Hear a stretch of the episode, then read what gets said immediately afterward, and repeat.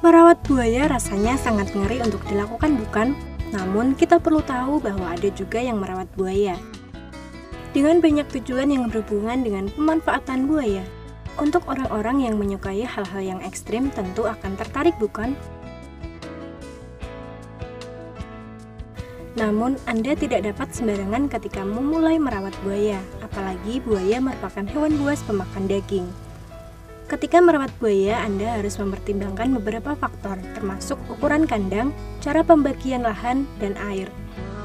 Memanaskan air dan udara, dan bagaimana untuk menjaga air bersih terbaik.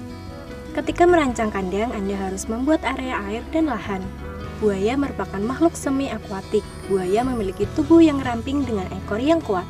Mereka memerlukan lahan yang kering untuk berjemur. Pastikan kandang yang dibuat luas, baik dari segi jumlah air ataupun tanahnya. Untuk tempat memeliharanya, selain kandang, Anda juga dapat menggunakan akuarium yang besarnya dapat disesuaikan dengan ukuran buaya tersebut. Namun, akan lebih baik jika kita membuatkannya kandang sebagai rumahnya. Makanan buaya sendiri kita sudah tahu yaitu daging. Bermacam-macam daging dapat kita berikan kepada buaya, namun tidak sembarangan. Untuk buaya yang masih bayi, kita dapat memberinya makan seperti anak kodok, ikan-ikan kecil, jangkrik, dan lain-lain.